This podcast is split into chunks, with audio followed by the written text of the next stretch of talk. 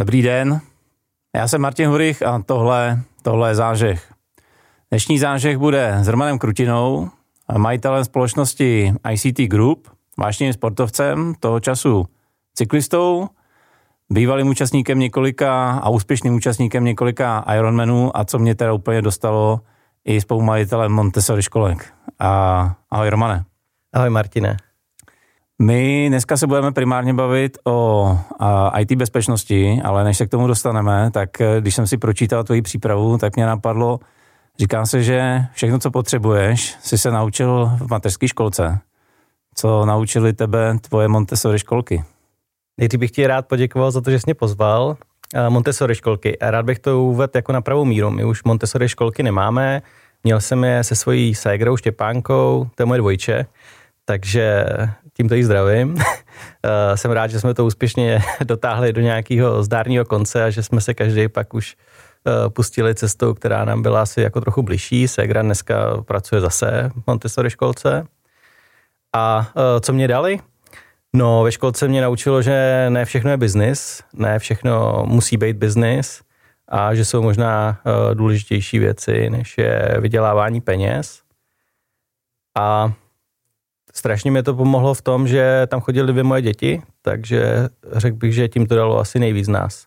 Že prostě získali nějakou samostatnost o kterou hned přišli po tom, co nastoupili do běžných škol, takže tam je, tam je zbavili tady těch skvělých věcí, které se tam, ne, neříkám naučili, ale ve kterých je tam podporovali a uh, to úspěšně zvládli podle mě jako v pohodě ubít už na té základce, takže, takže, takže ano.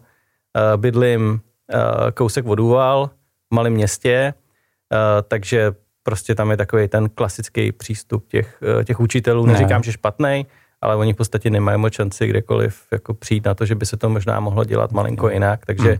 nejsem žádný aktivistický rodič, takže jsem nikdy do toho nikomu nekecel, ani jsem neříkal, že to, že to je špatně a do dneška, do dneška, ať se mi to líbí nebo ne, tak, uh, tak jim tam nějak se snažím pomáhat s tím IT v té škole. takže tak. O pomáhání je celé tvoje podnikání. Než se dostaneme k IT bezpečnosti v malých a středních firmách, Pojď nám říct, jak jsi se vlastně na, na k ICT Group dostával, jaká je tvoje ve zkratce profesní historie. Jasně, tak uh, složitá, protože když jsem byl na Gimplu ještě, tak jsem byl v podstatě asi poslední ve třídě, kdo neměl počítač, takže trápilo mě to, tak jsem nakonec teda jako doma ukecal, aby mi, aby mi něco koupili, takže mi koupili 486 v té době. A já jsem nikdy nebyl žádný talent, ani prostě měl jsem nějaký, uh, nějaký spoždění vůči, vůči spolužákům, takže v té době, kdy prostě jsme na Gimplu programovali, tak já jsem neměl na čem, že jo, tak logicky jsem to nemohl umět, takže v tom jsem rozhodně nějakým způsobem nevynikal, ale eh, já jsem, mě to vždycky nějak jako učarovalo, jo, prostě připadlo mi to skvělý a chtěl jsem to umět, takže i když jsem k tomu prostě neměl znalosti, tak co jsem měl, tak jsem měl výdrž, jo, hmm. takže Začalo to tím, že jsem ty Windowsy asi 170krát přeinstaloval, až, se, až jsem teda pochopil, jak to asi funguje. No ale abych to přeskočil, tak uh, pak v podstatě jsem se teda přihlásil na ČZU uh, na obor systémový inženýrství a informatika. To jsem za 6 let nějak jako uh, s pomocí boží dokončil. No a pak jsem přemýšlel, co, co jako dál. Po nějakých základních brigádách na, uh, na recepci v Kauflandu a takových těch běžných věcech, kde se s IT člověk nedostane, uh, tak jsem se přihlásil do, do výběrového řízení pro servisní organizaci na ministerstvu zahraničních věcí, kde jsem pracoval asi dva roky na helpdesku. Taková ta klasika, chodíš prostě jak uživatelům, něco jim tam opravuješ a tak dále. Zasouváš kabely přesně, do Přesně tak, stěhuješ lidi, a tam jsem první pochopil, že jako, jak funguje státní zpráva. Hmm. To bylo pro mě první jako prozření, že to je šílený, že tam byli prostě pro mě lidi neuvěřitelně chytrý, který jsem nechápal, co na to ministerstvu dělají, až prostě po něco, co jsem nebyl schopný ani pojmenovat. Jo. V podstatě hmm. se tam jako v těch kancelářích nic moc jako extra nedělo. No ale proč to říkám? Uh, v té době Česká republika se připravovala na předsednictví Evropské unie a v té chvíli uh, to byla skvělá věc pro nějaké nové věci. Jo? Unlimited budget, unlimited prostě všechno. Jako. A já jsem tam přišel s tím, že by bylo fajn mít nějaké jako mobilní technologie pro v podstatě pro tady tu akci. A oni řekli fajn, jo, co, jak si to představu. Já jsem říkal, v té době prostě byla jediná hvězda BlackBerry hmm. a říkal jsem super, tak já to tady nasadím A oni, ty tomu rozumíš? Jsem říkal, ne, já tomu nerozumím vůbec. Ale prostě líbilo se mi to, tak jsem prostě se do toho nějak jako uvrtal. Zároveň jsem si na to uh, jako napsal diplomku na, uh, na vejšce. Už v té době jsem se tomu nějakým způsobem jako věnoval, takže nemůžu říct, že jsem byl úplně mimo, takže měl jsem přehled na tom trhu. A šel jsem za svým šéfem a říkám, Eh, že tady je takovýhle, takovýhle projekt, že eh, primárním tím tahounem byla eh, kancelář ministra, protože oni prostě tě potřebovali komunikovat, potřebovali mít online kalendář, že se jim to pořád měnilo, tak pro ně to bylo extrémně zajímavé tady to, že by tady hmm. to mohli mít. Já jsem říkal, dobrý, tak jsem za ním přišel a říkám, je tady takovýhle projekt, mám podporu tady z kanceláře ministra, uh, bude to stát tolik a tolik, já chci tolik a tolik. Uh, upřímně na rovinu říkám, že jsem byl trochu jako naivní. Takže neříkám, že jsem byl jako neskromný, to ne, ale rozhodně už, už, už v té době jsem byl docela jako ambiciozní na to, co jsem neměl za sebou, takže jsem přišel s nějakým návrhem, který prostě mi řekl, že to je nereálný, že prostě tady to prostě nemůže jako prostě dopadnout. No tak jsem dal výpověď, zašel jsem si na živnostenský úřad, Zašel jsem do kanceláře ministra, šel jsem se zeptat, co jako mám udělat pro to, abych to mohl jako dělat. A oni říkali, no tak my vypíšeme výběrový řízení. Říkám, tak dobře, tak já tam já se přihlásím. No a teď začala taková půlroční jako šílenost, kdy v podstatě všichni kolem jako říkali, že prostě to jako není možný, jako že prostě to se jako nedá jako vyhrát a, a že jako prostě co, až se tam přihlásí IBM, která prostě i v té době tam prostě provozovali mailový systém Lotus, hmm. Lotus Domino, to je asi jedno, a že přece si tady tím nemůžu jako nějak konkurovat. No tak jsem prostě přišel, dal jsem si tam něco, abych přežil, že jo, takže prostě nějakou servisní smlouvu, no a vyhrál jsem to. No, takže to začala jako první věc a začalo to být všechno strašně růžový. Já jsem si říkal, super, to je super business. Za celou tu dobu jsem v podstatě potkal vým, asi čtyři výměny ministrů, takže jsem viděl, jak se to tam jako politicky různě jako hejbalo. Mm, mm. Ale, ale mělo to jedno jako obrovský negativum já jsem prostě pořád musel být na drátě. Pořád prostě. Jo. Tady ty lidi, zvlášť v těch politických funkcích, měli obrovskou moc a obrovskou, jak bych to řekl, no. Prostě ty mám ten kontrakt tam mohli zrušit hned druhý den, co já hmm. jsem si nemohl dovolit, protože jsem jiný zdroj příjmu neměl. Takže a v té době už jsem začal trénovat na Ironmana, rozhodl jsem se, že po delší době začnu zase něco dělat, takže jsem říkal, dobrý, triatlon, triatlon je asi, to mě zajímá, jsem bývalý plavec, tak OK, tak, tak to vyzkoušíme. No jo, ale odjel jsem na první soustředí na Kanáry a samozřejmě první problémy, že někde něco nefunguje, já prostě někde, kde moc nefungoval v té době, tam internet fungoval jako naprosto příšerně a začaly první jako šílené věci, kdy jsem tam po nocích něco opravoval a dělal, tak jsem si řekl, tak takhle to nejde.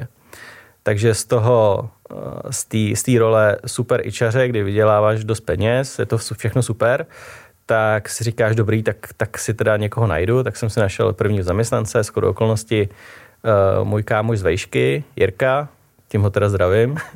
Do dneška to spolu dělám, i když to je občas náročný. Uh, no a říkal jsem super a měl jsem pocit, že Jirka to bude dělat stejně, jak to děláme já se stejným nadšením, úsilím a hlavně, že to bude řešit úplně stejně. Jako, já jsem měl pocit, že efektivně, ale to bylo první prozření, že takhle to prostě jako nefunguje. A začalo to martýrium okolo. V té době moc nefungovaly systémy jako dneska, coworkingy, že byste si někoho vzal na IČO jenom na part-time. Hmm. Prostě v té době ty lidi chtěli pracovat jinak. Jo? Chtěli mít práci, chtěli mít za to peníze a, a tak to bylo moje první prozření, že to musíme změnit.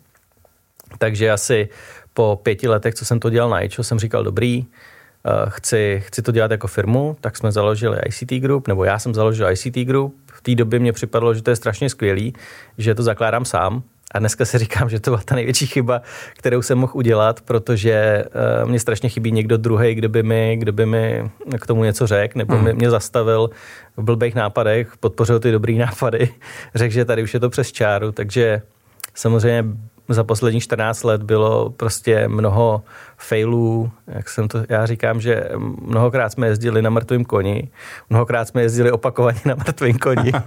A až v podstatě, až v podstatě za, teď jsem se rozhodl po, nevím, poslední dva roky jsem si říkal, že to potřebuji nějakým způsobem, nějakým způsobem změnit. A pro mě vždycky byly zprostý slova korporát, protože jsem znal Kaufland, pak se mně moc nelíbily státní zpráva, protože potom, co jsem dělal no. uh, na ministerstvu, tak jsme samozřejmě už jenom s tím, v jakýma, s jakýma člověk je lidma v kontaktu, tak prostě přišlo i pár dalších zakázek, které byly velice jako podobný, se stejným průběhem, se stejnou neefektivitou a hlavně jsme se dostávali do stavu, že měli jsme už jiný klienty, ale my jsme nebyli schopni žádný státní zakázky vyhrát. A říkali jsme si, jak je, jak je to možný. A takže jsme si řekli, že asi bude čas tady z toho odejít. Nicméně nikdo nechce přijít o dobrou zakázku na ministerstvu, ta zakázka byla dobrá, ale jednoho dne prostě mm, se na ministerstvu rozhodli, že BlackBerry už nepotřebují a z našeho kontraktu eh, v podstatě náš kontrakt podělili 50 a, řekli, jestli to chceme zdají to dělat. A my se řekli, ne, nechceme. Hmm. No a v té době už jsme jako měli i jiné firmy, takže starali jsme se firmám o IT. Eh, a zač- museli jsme začít hledat, aby jsme to nějakým způsobem zalátali uh, tady tu díru. Takže z ministerstva asi se dostal mezi malý střední firmy, jestli tomu dobře rozumím? Je to tak. Nicméně dneska už máme v podstatě ty proudy dva. Jedna věc je malý střední firmy, to mě zajímá asi nejvíc. Eh, tam vidím naší nejvyšší přidanou hodnotu. Mm, tam se snažíme poslední dobou nějakým způsobem být aktivní na, na LinkedInu.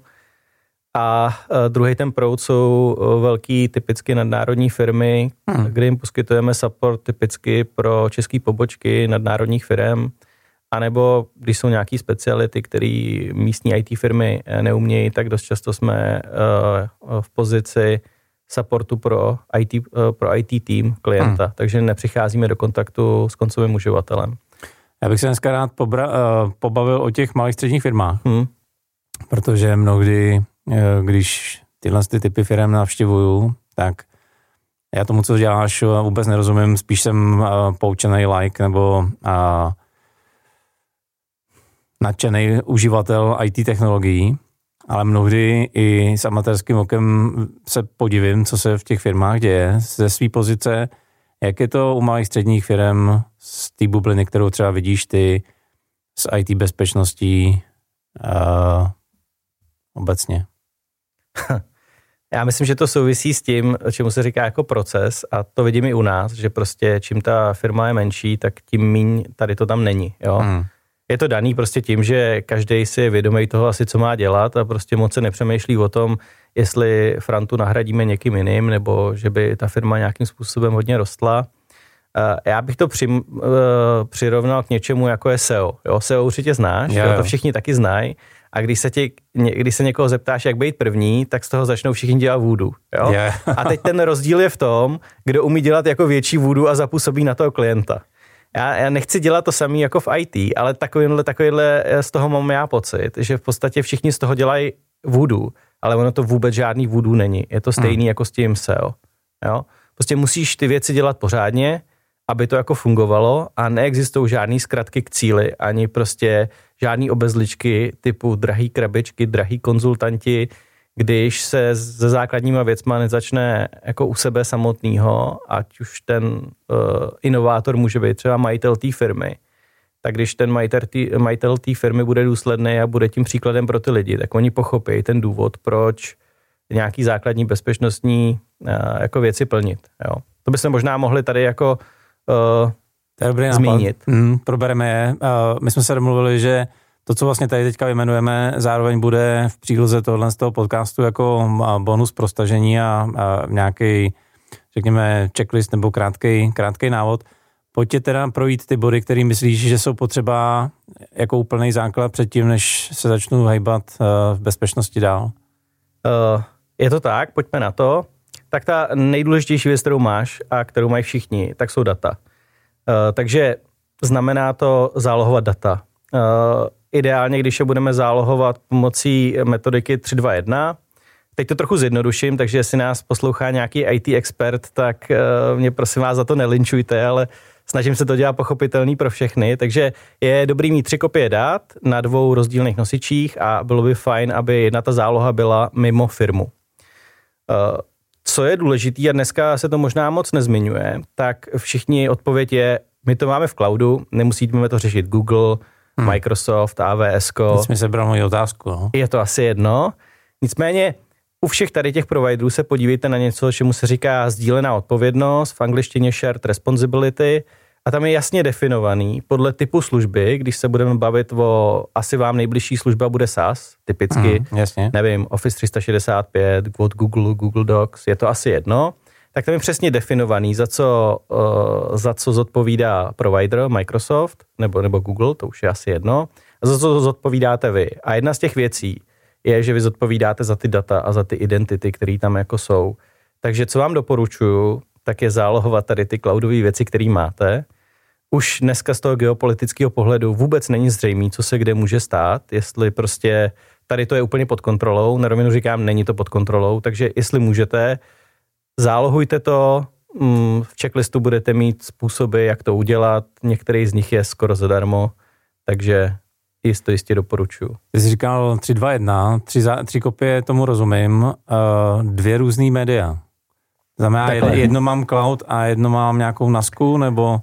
Třeba je to jedna z možností, aby jsme to udělali, aby jsme to, aby jsme to udělali jednodušší, tak aspoň to mějte na dvou rozdílných zařízeních. Když to Okay. okay. vezmeme, není to asi úplně přesně, jak by to mělo být, ale dvě rozdílné zařízení uh, jsou fajn, aby se vám nestalo takový to, co vidíte asi na LinkedInu, uh, takový ty joky, kde vidíte uh, spad nám server, kde je záloha, no záloha je na tom serveru, tak, tak to nechcete řešit, protože Jo, jo. všechno vymyslíte, ITáci jsou super, takže vám všechno nainstalují, ale data vám nevymyslej, když Hmm. hmm. prostě to nejde. Takže Hmm. hmm. data je všechno, co máte, dělejte to takhle a poslední věc, kterou dělejte, eh, dělejte to tak, aby vaše zálohy vám případný útočník nesmazal nebo nezašifroval.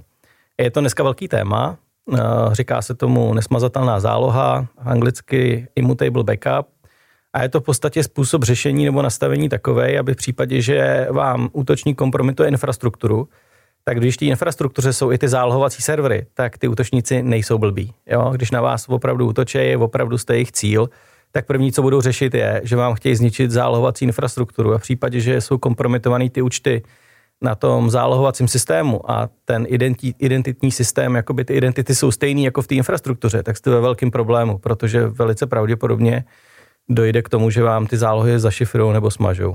Takže co doporučujeme, nebo co je jako doporučení, eh, buď to zálohovat na nějakou cloudovou storage, která tady to umí by design, mm, umí to například AWS, umí to, umí to i Azure, nebo to zálohujte na nějakou NASku a login do té NASky si ideálně zabezpečte pomocí dvoufaktorového ověřování a nepoužívejte stejný loginy nebo nepoužívejte integraci s vaší infrastrukturou, aby v případě té kompromitace se on tam opravdu ten útočník nedostal. Hmm.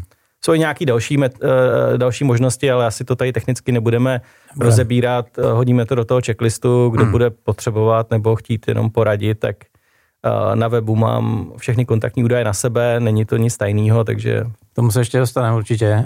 Uh, ty jsi říkal uh, zálohovat 3, 2, 1, teď jsi říkal nesmazatelný zálohy, to jsou teda dva to tím, body, jestli to chápu. to s tím souvisí, to je v podstatě bod jedna. OK, tak další. Druhá věc, která tam je a která je nejčastější a nejšílenější, eh, tak je používání stejných hesel v různých, eh, v různých službách. A uh, lidi občas argumentují a říkají, já jsem si nechal vygenerovat super tajný heslo a to používám teď všude. Říkám, no super, to je fajn, ale prostě to není dobře, jo, protože vy nikdy nevíte, tam ani nemusí dojít k žádnému útoku, ale vy ani nikdy nevíte, jestli náhodou eh, v tom systému, kde používáte to heslo, ten administrátor náhodou ho třeba neukládá jako plaintext, takže on se podívá do databáze a uvidí vaše heslo.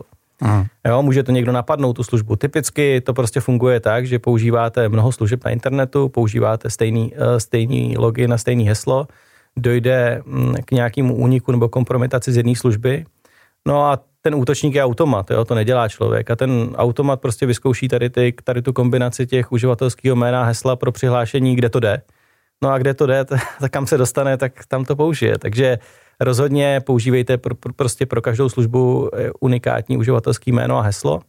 A kde to jde, eh, tak eh, používejte multifaktorové ověřování, jde to skoro všude. Takže začněte u Facebooku, začněte u LinkedInu, zač, začněte u Skypeu, začněte na Gmailu a začněte na Office 365 a nedělejte žádný výjimky. Hmm. Uh, výjimky se dělají, když tomu mají nějaký, nějaký opodstatnění, ale pro vás, pro běžní uživatele, to berte tak, že žádný výjimky neexistují. A snažte se nepoužívat služby, které to neumějí. Teď mě napadlo, tohle si přeci ne- nedokážu zapamatovat, to je nejtypičtější odpověď, kterou slyším. Jasně, to nejde zapamatovat. Takže prostě bude to tak, že vám nezbyde nic jiného, než používat password manager. A teď už je na každém z vás, jestli chcete věřit nějaký cloudové službě, logicky chápu lidi, kteří tomu nechtějí důvěřovat, anebo jestli si to budete ukládat někde u vás, ať už na nasce, nebo na počítači, nebo si to budete synchronizovat v nějakým šifrovaným souboru. Zase hmm. uvidíte, dostanete v tom checklistu nějaký nápady nebo návrhy, jak to jako udělat. Každopádně bez tady toho se nevrhnete, jakoby nehnete dál. Zase neberte to jako bernou minci, že když tady to mám, tak to mám jako vyřešený. Zase je to software, zase software může mít zranitelnosti, takže třetí rada je, aktualizujte. Bude vám to dělat spoustu problémů. Aktualizace to znáte, jo? prostě cokoliv. Microsoft tím je super známý, myslím, že se trošku zlepšil. Hmm. A všichni ostatní prostě vendoři, který jsou, tak když se dneska podíváte, kolik je za poslední, nevím, tři, čtyři měsíce problémů bezpečnostních super velkých firm, který mají téměř neomezený budgety, takže představa toho, že vy to děláte dobře a vás nikdo nehekne, na to zapomeňte. Yeah. Je to otázka času, úsilí a motivace toho útočníka tady to udělat. Jo? Když bude mít velkou motivaci, tak stačí se podívat do Ruska. Nemyslím si, že by v Rusku byli všichni úplně takový zoufalci hmm. a prostě se jim to povede. Já se vrátím ještě o krok zpátky. Napadlo mě podle toho, co si povídal, Dost často teďka spousta majitelů firm třeba odevzdává svůj LinkedInový účet na zprávu eh, nějaký marketingové agentuře. Jak se chová v tenhle ten moment, kdy šeruješ s někým heslo a možná nechceš, aby ho tak úplně věděl, dá se to vyřešit? Hele, já to primárně vidím jako problém těch služeb. Jo, protože ty bys v podstatě svoji identitu niko, nikdy nikomu neměl dávat. Mm. Jo, to je stejně, jako kdyby si svýmu finančnímu řediteli odevzdal tvůj, účet, tvůj jako přístup k soukromnímu účtu, protože yeah. tam chodí peníze. To nedává žádný smysl. Takže všechny ty řešení, které jakoby existují a ty password managery to třeba některý umějí, tak jsou fajn, ale primárně je problém v té službě. Ta služba nebyla dělaná na to, aby byla více uživatelská. Mm. Možná to je LinkedIn, možná to je, co mi napadá, třeba Facebook, že jo, ten taky v podstatě nějak moc jako rozumně nemůžeš udělat hmm. a úplně stejně tak to bude třeba Twitter. Takže asi pravděpodobně mu budeš muset důvěřovat, asi pravděpodobně by bylo fajn i tak si prostě zapnout nějaký multifaktor a když budete moc chtít, tak si pořídíte jedno číslo, kam budou chodit ty SMSky nebo ten autentikátor a holci to budete předávat, jo, ale ideální řešení to rozhodně není. Hmm, tady ty vendoři by na to měli zapracovat. Já se bohužel obávám, že tady tím chováním částečně možná porušuješ některé ty pravidla yeah. používání těch služeb, takže oni jsou z toho asi sobliga. No. OK. Tak jsme zálohovali, aktualizovali, uh, máme password manager, co dál? Super. Uh, aktual, uh, čtvrtá věc, která tam je, tak nepracujte pod privilegovanýma uživatelema. Co to znamená? To znamená, aby to bylo bezpečné, tak je potřeba, abyste pracovali pod nejmenšíma právama, které prostě umožní vaši bezproblémovou práci. Eh, typicky malé firmy, je tam majitel, ředitel, někdo, kdo si dupne, je to taková ta hlava, kde, který vydělává, řídí a chce mít přístup všude. To jsem býval já. Nedělejte to. Nedělejte to. Eh, tím nutně neříkám, že ten přístup někde nemáte mít, ale vy pro 99% své práce ho v podstatě nepotřebujete. Hmm. Vy mhm. ho tam máte jako zálohu a dobrý pocit, že až bude potřeba, tak se tam dostanete. Pracujte pod userem, který není administrátor a když budete potřebovat něco nainstalovat, protože SMBčku prostě budete řešit peníze. Budete řešit, kolik peněz vás bude stát zpráva IT. Jakmile všem seberete práva administrátora a oni budou chtít něco nainstalovat, tak to někdo bude muset udělat. Takže buď někdo z vás bude administrátor, anebo zavoláte té IT firmě, no a to něco bude stát. Jasně. Ale řešení typu, že to vyřešíme tím, že všichni budou administrátoři, tak to je cesta do pekla. Takže jestli, můžu, jestli svým lidem věříte, tak je naučte pracovat pod běžným userem a tady to asi není jako security super doporučení, ale je to nějaký kompromis, který, ty jsem si vzpomněl na Radima Paříka a jeho kompromis, tak, tak to neberu, ale eh, je to kompromis, který asi řeší jako vaší situaci. Budete běžně pracovat pod normálním účtem, který není administrátor a buď jeden pověřený pracovník u vás, nebo ty uživatelé budou znát heslo administrátorský, lokálního administrátora na té stanici v případě, že potřebujete něco nainstalovat, něco se aktualizovat, což, co vyžaduje administrátorský práva. Dneska spousta těch softwaru už je inteligentní, že tady to nepotřebuje, takže to by bylo fajn používat, ale nejsme v ideálním světě, takže těch problémů je tam pořád ještě spousta. Takže to je další věc, kterou jako nechcete řešit a tak jsou všichni administrátoři a v případě, že jste ve velké firmě, tak všichni jsou takzvaně jako domain administrátoři, to znamená, máte něco, kde máte jednotnou zprávu identity a všichni jako můžou všechno, tak to, tak to není dobrý tak nápad. Hmm. Tak to je další průser, který jakoby vzniká tím, když to takhle funguje. Co tam máš dál? Česká republika je unikátní místo, kde vzniklo neuvěřitelné množství eh, skvělých softwarů, ale i těch ekonomických softwarů. A uh, jak bych to řekl, uh, ta doba, kdy ten software se vyvine a dál se používá, tak je tak asi 20 let, co jsem slyšel, než se to té firmě jako úplně celý zaplatí, aby hmm. to udělala moderně. Takže dneska všichni máme pohody, money, cokoliv a když se k tomu chcete připojit na dálku, tak tomu používáte vzdálenou plochu. Nedělejte to. Nedělejte to. Nedělejte to. Jsou, je, je to jeden z nejběžnějších jako způsobů útoku na uh, v podstatě identitu. Uh, dost často tady to řešení není chráněný nějakým druhým faktorem, takže jde opravdu o nějaký, uh, nějaký útok hrubou silou, kdy ten útočník pořád dokola zkouší kombinaci, až se mu to jednoho dne povede. A je tady jen takový malý tip. Nezapomeňte si disablovat uh, defaultního usera, který se jmenuje administrátor, protože tady ten user má jednu skvělou věc. Ten se nikdy neza, ne, nezamkne, když to zkou, zkouší ten útočník milionkrát. Hmm. Když si ho disablujete, vytvoříte si jeho kopii, tak už, už se dají nastavit pravidla na to, aby to takhle nešlo. Hmm. Ale moje doporučení je, nedělejte to takhle. Buď si to zamkněte za VPN, nebo si to nějakým způsobem ochraňte, aby tady k těm útokům nedocházelo. No. Máš tam ještě něco takového co najdeš skoro všude? Nevím, jestli všude, ale především u těch malých firm, který uh, nechci říkat, že jsou to videoví vrtači kolen, ne, to ne, ale prostě hodně přemýšlejí o tom, kolik co bude stát. A tady ty vymýšlejí neuvěřitelný jako skvělý jako záležitosti, jak používat jako personální účty cloudový pro firmní potřeby. Yeah. A ono to funguje strašně super do té doby, než vám ten uh, zaměstnanec odejde s tím účtem. A ten účet není totiž váš, ale toho zaměstnance. To je jako velký rozdíl. Takže jestli prostě budete používat nějaký systémy pro back office, ať už jsou to ukládání souborů e-maily, ať už je to od Microsoftu nebo to je od Google, pořiďte si i ten nejlevnější firemní, kde v podstatě vy máte pod kontrolou zprávu identit a těch uživatelů, yeah. těch dat, které tam jsou, protože jinak to jako nevymyslíte. A, a hlavně uh, se k tomu nedostanete. Až napíšete na ten support, tak vám nikdo nepomůže. Jo? Mm-hmm. Takže rozdíl tady těch personálních věcí, které jsou dost často zdarma, tak a ty jedna nejsou zdarma, to je první věc, která je potřeba si jako říct, že ta firma na to musí nějakým způsobem vydělávat, takže asi pravděpodobně na těch datech, který tam máte. A druhá věc, že to absolutně nemáte pod kontrolou, takže to nedělejte, to za to nestojí. Hmm. No, takže...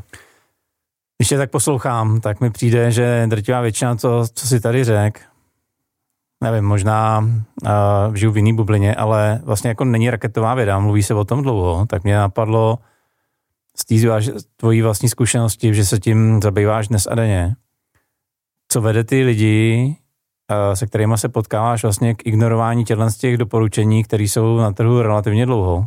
Každý ajťák o nich mluví a přesto se to nedělá. Eh, pohodlnost. To je jednoduchý. Pohodlnost. Já to vidím i u nás ve firmě o ajťácích. Jo? Ten, eh, ten proces té změny musí nastat u toho člověka, který tu změnu jako táhne, nebo který tam má na starosti. To je, v té firmě si musíte najít někoho, kdo, eh, kdo to riziko vidí.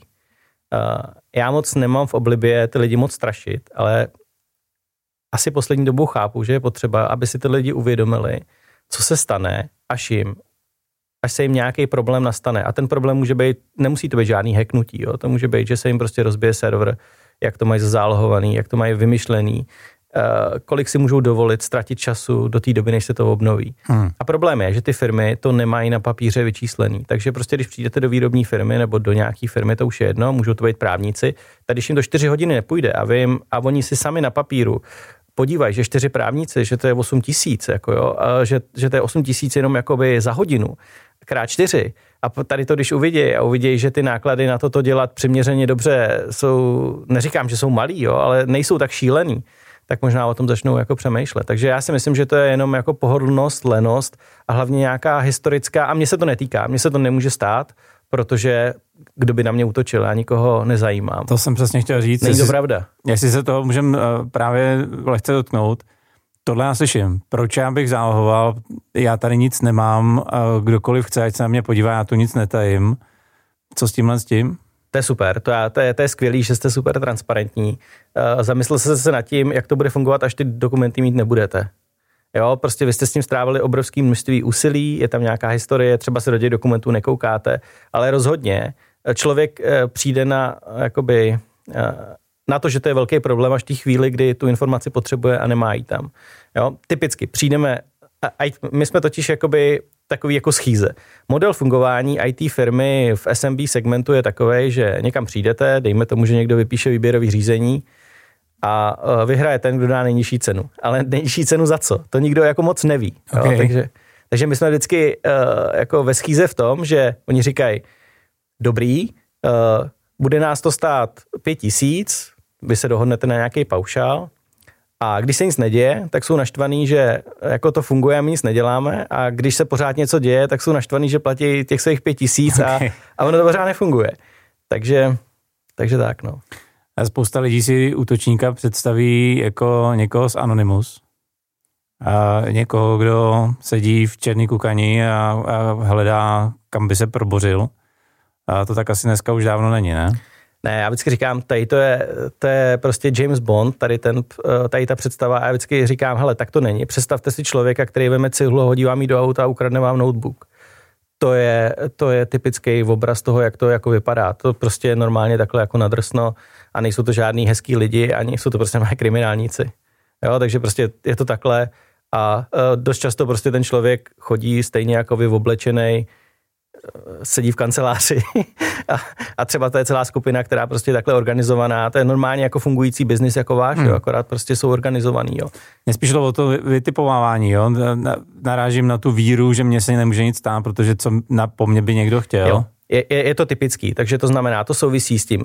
Neaktualizace systému, to znamená, dneska existují systémy, které pořád dokola skenují to, co máte vystrčení do internetu. Jakmile tam je nějaká zranitelnost, která je zneužitelná, tak se na to automaticky použije skript, dojde k průniku do té firmy, k uh, nějaký eskalaci privilegií a pak už to teprve začne řešit ten jako fyzický člověk. Ale dost často ten prvotní jakoby průzkum je absolutně automatizovaný tady v tom. Jo? Rozešlou se phishingové kampaně, všichni na to klepnou nebo neklepnou, přihlásejí se, když nemáte ten multifaktor prask a už mají vaše uživatelské jméno a heslo.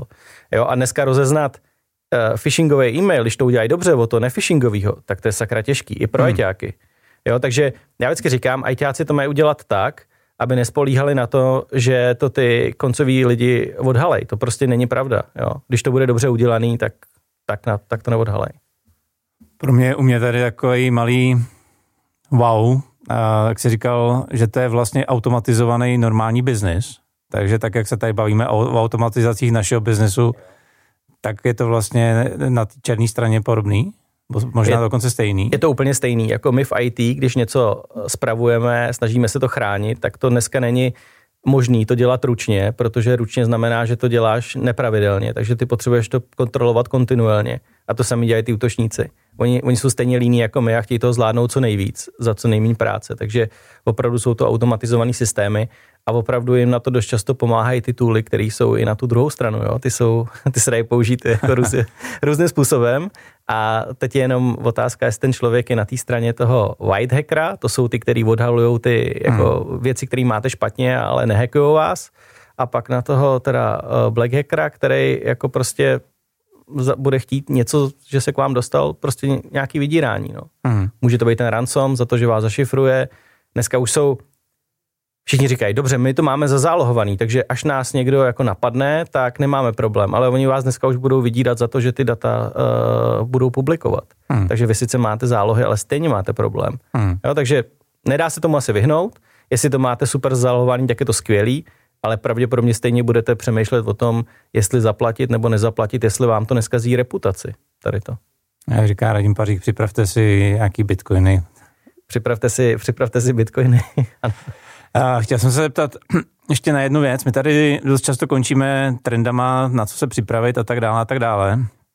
Jestli to dobře chápu, tak my jsme vlastně probrali uh, takový to nejklasičtější IT typu servery, notebooky a tak. Moc jsme se nedotkli mobilů, s internetem věcí jde vlastně na internet spousta dalšího hardwareu, který může být napadnutelný, ty případy už se staly. Uh, možná se objevují i další zařízení, o kterých já v tuhle chvíli nemám ani tušení, který se na internet uh, připojují auta typicky.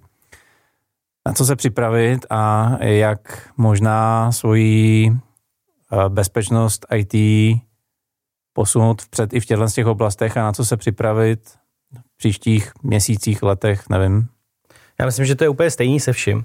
důslednost, to je první věc, nedělejte výjimky, to znamená, to jsme se bavili, jestli někam používáte eh, nějaký USB token, jestli někam používáte uživatelský jméno, heslo, zkuste k tomu vždycky dát ten druhý faktor, který prostě vy vlastníte a ten útočník ho nemá. Takže v případě, že dojde ke kompromitaci uživatelského jména hesla, tak buď máte nějaký token, kterýho se dotknete a, a to, že to funguje, je to, že se to dotknete, nebo máte ten mobil, na kterým pípne Uh, ideálně ta uh, autentizační uh, apka, v horším případě třeba ta SMS, pořád je to lepší než nic. Hmm. Takže nedělejte, nedělejte výjimky. Jestli máte mobily, té, u těch mobilů je to, to je v podstatě dneska jsou to počítače, takže eh, dost často ty lidi mají vlastní a v těch firmách nechtějí používat, nebo dneska už to není tak, že prostě mají mobil takový, který jim vyhovuje hmm. a ten zaměstnavatel by jim dal pravděpodobně horší, který oni nebudou chtít používat. Takže yeah. prostě, takže a asi nedonutíte toho zaměstnance, aby ten mobil byl pod nějakou jako super zprávou, jo, že byste tam mohl vynutit heslo a cokoliv. Ale dneska prostě už třeba, když budete používat řešení od Microsoftu, tak to můžete řešit na úrovni té aplikace. Takže my můžeme říct, že když máte firmní e-mail, tak máte, musíte k tomu používat apku od Outlooku, jmenuje se Outlook, a my v té apce vynutíme uh, ověření, uh, dejme tomu Face ID, uh, eh, přímo na té apce. Když to ztratíte nebo vás vyhodíme, tak vám z toho mobilu sice můžeme smazat tu apku, ale nic jiného. Ten mobil je pořád váš, pod tím nemáme žádnou kontrolu. Takže technologické řešení tady jsou, dost často se nepoužívají, dost často to není v těch nejlevnějších plánech, který ty lidi chtějí, takže když chtějí ušetřit, tak to prostě není možné nasadit. Zároveň vždycky přemýšlejte o tom, že eh, ten cloud je super pro ty malé firmy i pro ty velké firmy. Jo. V podstatě malá firma si dneska může dovolit řešení, které před deseti lety nebylo možné, protože bylo možné akorát v on-premisu a stálo by to neuvěřitelné množství peněz. Na druhou stranu, ten cloud je pořád připojený do internetu. Přemýšlejte o tom. Jo. Takže jestli tam něco udělá špatně ten cloud provider, to je první problém, a jestli uděláte něco špatně vy, tak ten útočník na to může 24-7, takže ty chyby se tam projeví ještě ve větší míře. A pak se ještě ve vašich uh, zasedačkách zkontrolujte ty chytré televize, které máte zapojení do toho internetu a které jsou z Číny. to je asi odpověď na to, uh, co všechno je zapojený, co všechno je zapojený do uh, do internetu a viděl jsem nějaký, nějaký jako fine joke, jak hackli jedno kasíno a hackli ho, měli tam rybičky, měli tam krásný akvárium a v tom akváriu měli teploměr, který byl IoT zařízení, který měří teplotu. No, bylo připojení do internetu, byla tam nějaká zranitelnost a už to jelo. Takže jsou to drobnosti, asi jsou to dneska už uh, takhle. Asi pořád tady to, ten, ten hack na úrovni tady těch zařízení není tak běžný jako, jako prostě únik hesla nebo prostě špatný hesla, stejný hesla a takové ty běžné věci, ale prostě velice pravděpodobně, až tady to si lidi vyřešejí, tak přijde, přijde tady to a těch eh, IoT zařízení bude strašně moc, jo. Já jsem koukal dneska, jestli náhodou naše pračka není IoT, snad není, jako jo, ale nechtěl bych to mít připojený do internetu. Ne, to mi napadla hm, taková stará hláška, vtip, eh, teď teda ukážu, jak jsem starý, já ještě pamatuju tři a půl palcový diskety, že nejsnadnější, jak hacknout firmu, je poslat tři a půl palcovou zavěrovanou disketu sekretářce a na tu obálku napsat seznam propouštěných lidí. Pořád, pořád něco takového platí. Pořád něco takového uh, platí, jestli tady někde budeš mít nějaký etický hackery nebo nějaký penetrační testery, tak typicky se prostě rozhazují flešky tady s tím, na té flešce prostě jsou odměny vedení nebo něco takového, co prostě každý bude chtít jako otevřít. Uh, prostě jo, byl jsem i na pár školení, kde prostě tam ukazovali phishing, což je v podstatě něco jako phishing, ale přes telefon, jako jo, kdy volá hmm. ajťák a a ta firma věděla, že bude tady to školení a volá tý paní účetní a teď on říká, dobrý den, tady jsem z IT supportu a ona říká, no my jsme měli teď takovýto školení a měli jsme o tom, že tady s někým prostě nesmíme o tom mluvit. A říká, to je skvělý, jak jste chytrá, to je ono, teď si jenom spuste tady ten program a už to jelo. Takže, okay. takže samozřejmě eh, největší problém je, jsou lidi a mně se vždycky, já s čím moc nesouhlasím je, že řešením toho je všechny vyškolit a tím vyřeší celý se ten problém. Čím větší firma, tím větší fluktuace a tím větší pravděpodobnost, že, při, že ten útok přijde ve chvíli, kdy ty lidi nejsou vyškolení. To je celý. Takže já si myslím, že my ajťáci bychom to měli zařídit tak, aby jsme moc nespolíhali na ty lidi, že to odhalej a že, budou, že to budou chápat. Ty lidi prostě chtějí dělat svoji práci a my bychom měli být v pozici toho, že jim to umožníme dělat komfortně a bezpečně což dost často to zvládáme udělat bezpečně, ale rozhodně ne komfortně.